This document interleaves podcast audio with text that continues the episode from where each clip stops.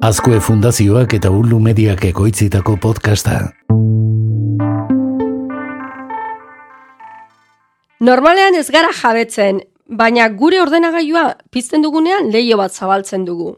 Leio digital bat. Bueno, hortik kanpora begira dezakegu interneten eta mundu digital zabalean dagoena eta gertatzen ari dena ezagutzeko.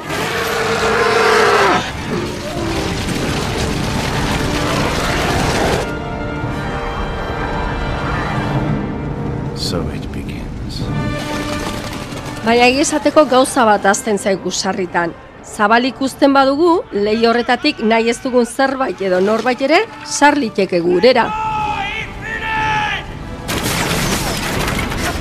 Kaixo, maite goni naiz, eta hau, amar minututan da.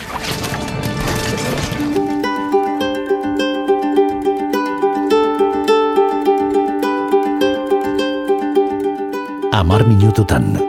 Maite gonirekin.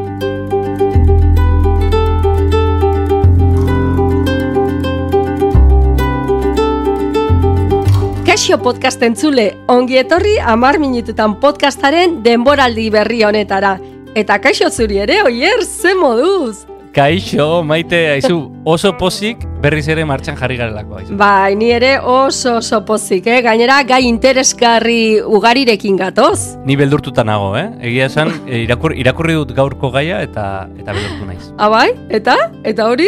Ba, teknologia eta eskuntzari buruzko saio lasai bat entzuteran etorre, baina e, e, entzun berri ditudan marru eta gudai rintzi hoien ondoren, ez dakit, ez dakit. Bale, bale, lasai oier, salbu gaude. Oraingoz gure arresiek, bueno, nik uste dut eutxiko dietela etxaiei, eh? Ez dugu beldurtuta bizi behar, baina egia esateko, bueno, gaurko gaiari helduz, bere neurrian beldur pixka bat edukitzea ere, ez pentsa, eh? Ona izaten da.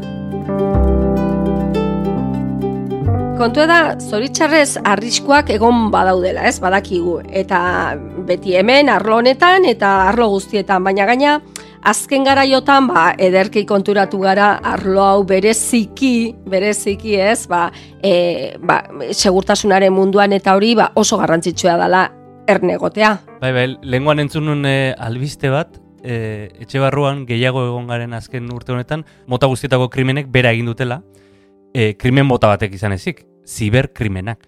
Bai, e, bueno, e, logiko ere bada ez, denak etxean egon gara eta bar, baina egie da, ba, segurtasun digitalak ba, alderdi horretatik inoiz baino garrantzi eta gaurkotasun handiagoa duela, ez? Eta holaxe, ba, nahi bali badezu, heldu egingo diogu gaiari, edo zer? Bai, earki, e, zerren inguruan izan behar dugu, e, mustor eta etxai e, oien inguruan, edo e, oiek Bai. nola mantendu arrezietatik kanpo. Bai, bai, bai, bai. Ba, sei pauso jarraitu behar ditugu, oier, nolabait esateko, eh? E, segurtasunaren sei mandamentuak dira. Eta ez dira komplikatuak, eh? Egia esateko edo nork eh, egiteko modukoak dira, baina, eh, bueno, oiei buruz hitz egingo dugu, ba, pixkanaka, pixkanaka, eh, ba, aurreratzen joateko, eh?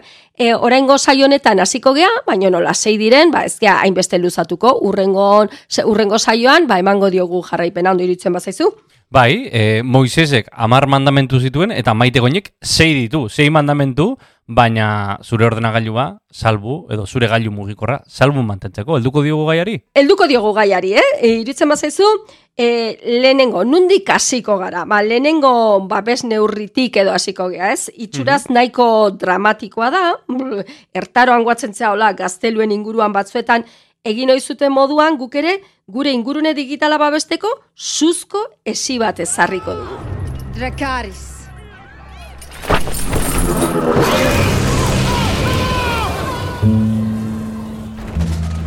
Zuebakiak e, firewall ingelesez nik uste hitza nahiko ezaguna dela, ba, informazio sistema batean sartzen den trafiko albidetzeko, mugatzeko, zifratzeko eta destifratzeko tresna edo gailuak dira edo gailu multzo bat edo horrelako zerbait, ez nolabait esatearren.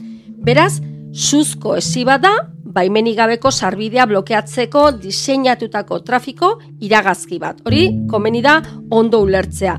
Ordun horrek ze albidetzen du? Ba, baimenik ez duten pertsonek gure sistemara urrutitik ba, sartzea eragotzin egin beharra daukagun nolabait, eta aldi berean bakuk nahi duguna e, konektatzea edo internetera ateratzea, ba hori ere baimendu egin behar dugu, ba zuebakiek hori egiten dute, funtzio bikoitz hori dute. Caution. A virus has been detected. Virus database has been updated.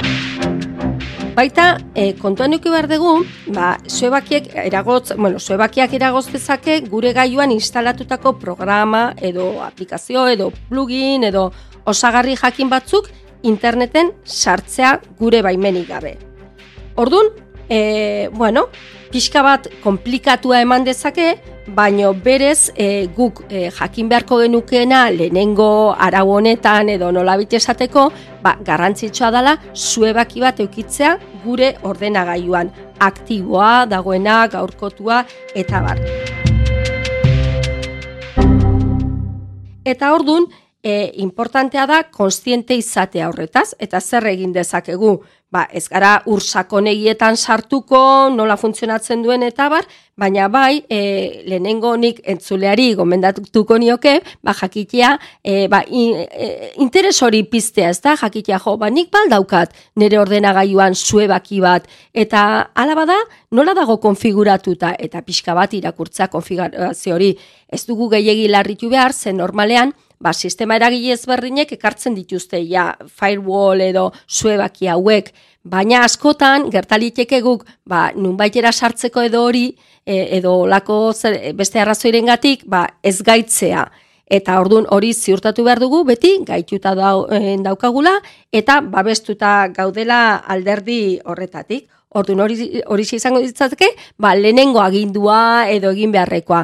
Baldugu zuebakirik eta hala bada nola dago konfiguratuta, gaituta dago, eguneratuta dago, hori izango litzateke lehenengoa. Hey everyone, listen up your attention if you please. We wanna give you a warning cause I found out this morning about a dangerous, insidious computer virus if you should get Eonen maite, zer da, baina zer da alarma hori? Gu gure ordenagailu ondo babestuta genuen gure suzko eziarekin. Bueno, bai eta ez, oier, esan ditugu zei urratzen man behar direla, eta orduan, horrekin, ba, zuebakia izatearekin ez da nahikoa, e, egin behar duguna da, indartu nahi balin badugu, ba, sei neurri hoiek, eman behar ditugu, sei pauso hoiek, eta firewall on batekin soilik ez gaude salbu. Horrek zezan nahi du, gure zuebakiak kale egin duela? Bueno, ez ez du zertan, ez? Baina gogoratu, Troiako arresiak buskatu beharri gabe ere, Ulises eta bere gudariek Troia barrura sartzea lortu zuten. Bai, e, guztia histori hori, egurrezko saldi baten barruan eskutatuta, ez da? Baera berean, ipini ditugun arresiak gainditu eta gure ordenagailura ere, ba, sarlitzezke eskutuan, Troianoak, arrak eta mota askotako etxaiak. Haiei buruz hitz egingo dugu ditzen bazaizu jarraian. Virusak eta antivirusak.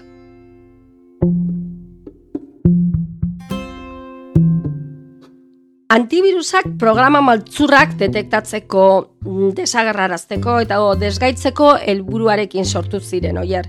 Baina gaur egun, esateko ba, beste funtzio batzuk dituzte, adibidez, ba, momentuan bertan detektatzen dituzte, virusak edo blokeatzen dituzte, edo bueno, baita eragozten dute ba, fitxategiak desi, e, bueno, e, infektatzea, e, ordun, ba, gaur egun oso aurreratuta daude. Eta egungo antivirus programek edo virus maltzurrez berdinak e, ezagutu ditzakete, ez? Eta hoiek adibidez dira, bueno, ez izutu, eh? spywerea, arrak, troiarrak, rootkitak, bueno, pila badaude. Eta horretarako ze behar dugu? Ba, logikoa da bezala antivirus bat, eta nun topa dezakegu? Ba, bueno, egizateko modu ezberdinak daude, eta sistema eragilaren baitan, ba, bata ala bestea ba, beharko dugu ez, baina badaude, eta internet, interneten topa ditzakegu antivirusak doain edo ordainduta eta bar. Orduan zer egin beharko genuke? Ba, ipini bilatzailean, ba, zerbait oso gaurkotua dana, adibidez, 2008 bateko antivirus honenak e, edo horrelako zerbait zerrendak egoten dira.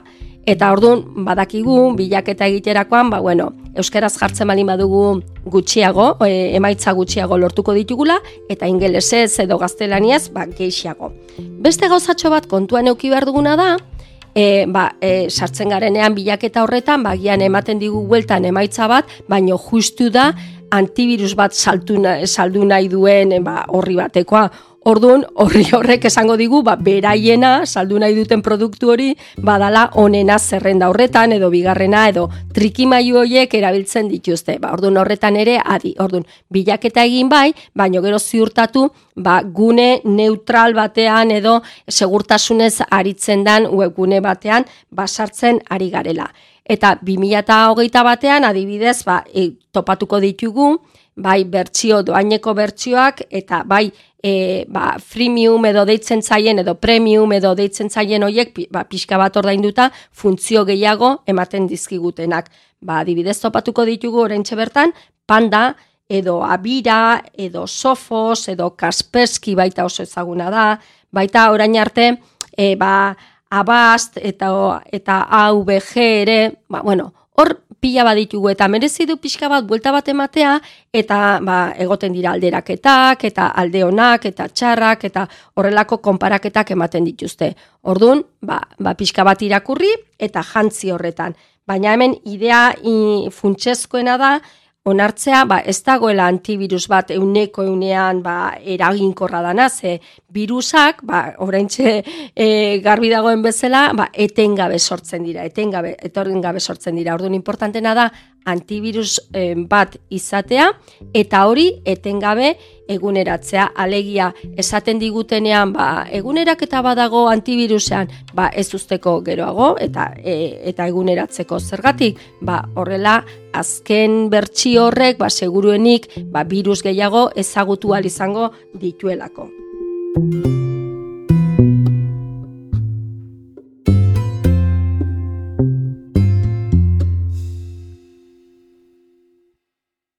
Tira, oso ondo, uste dut, ia dena ulertu dudala, gaurkoan, eta naiz eta entzunak banituen, enekin hainbeste virus mota zeuden.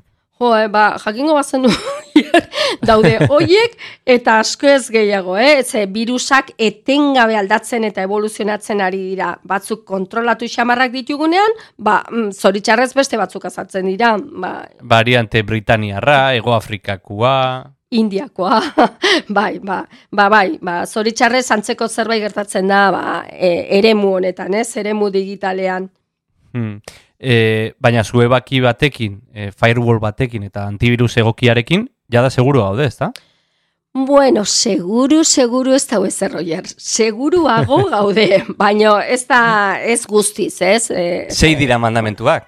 Hori, horregatik, horregatik esaten izunez, ba, oraindik, ba, ur, e, oraindik bi azaldu ditugu, orduan, urrengo atalean, azalduko ditugun tresna edo arma gehiago behar ditugu, ba, gure ingurune digitala guztiz, ba, besteko, bueno, guztiz, edo, ba, besteko, behintzat ondo. Eta hoien artean, ba, segurazki, neurri garrantzitsuena falta da. Ara, eta zein da neurri hori? Amar minututan podcastaren urrengo saioan ezagutuko dugu hori. cliffhanger, cliffhanger, to, to be continued. bueno, bueno, baina bukatu horretik pista txiki bat emango dizut. Tresna boteretsuena gugan dago. Amar minututan, teknologia eta hezkuntza uztartzen dituen podcasta maite goinirekin. Aio, aio, maite. Aio, oie, urrengor arte, eh?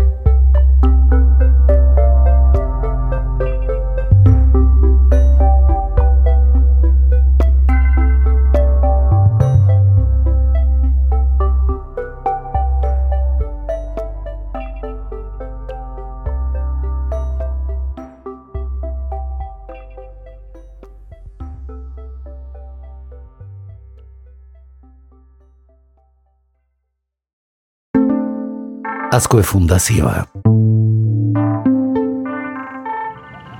Ei, txt, entzun hori. Ulu Media.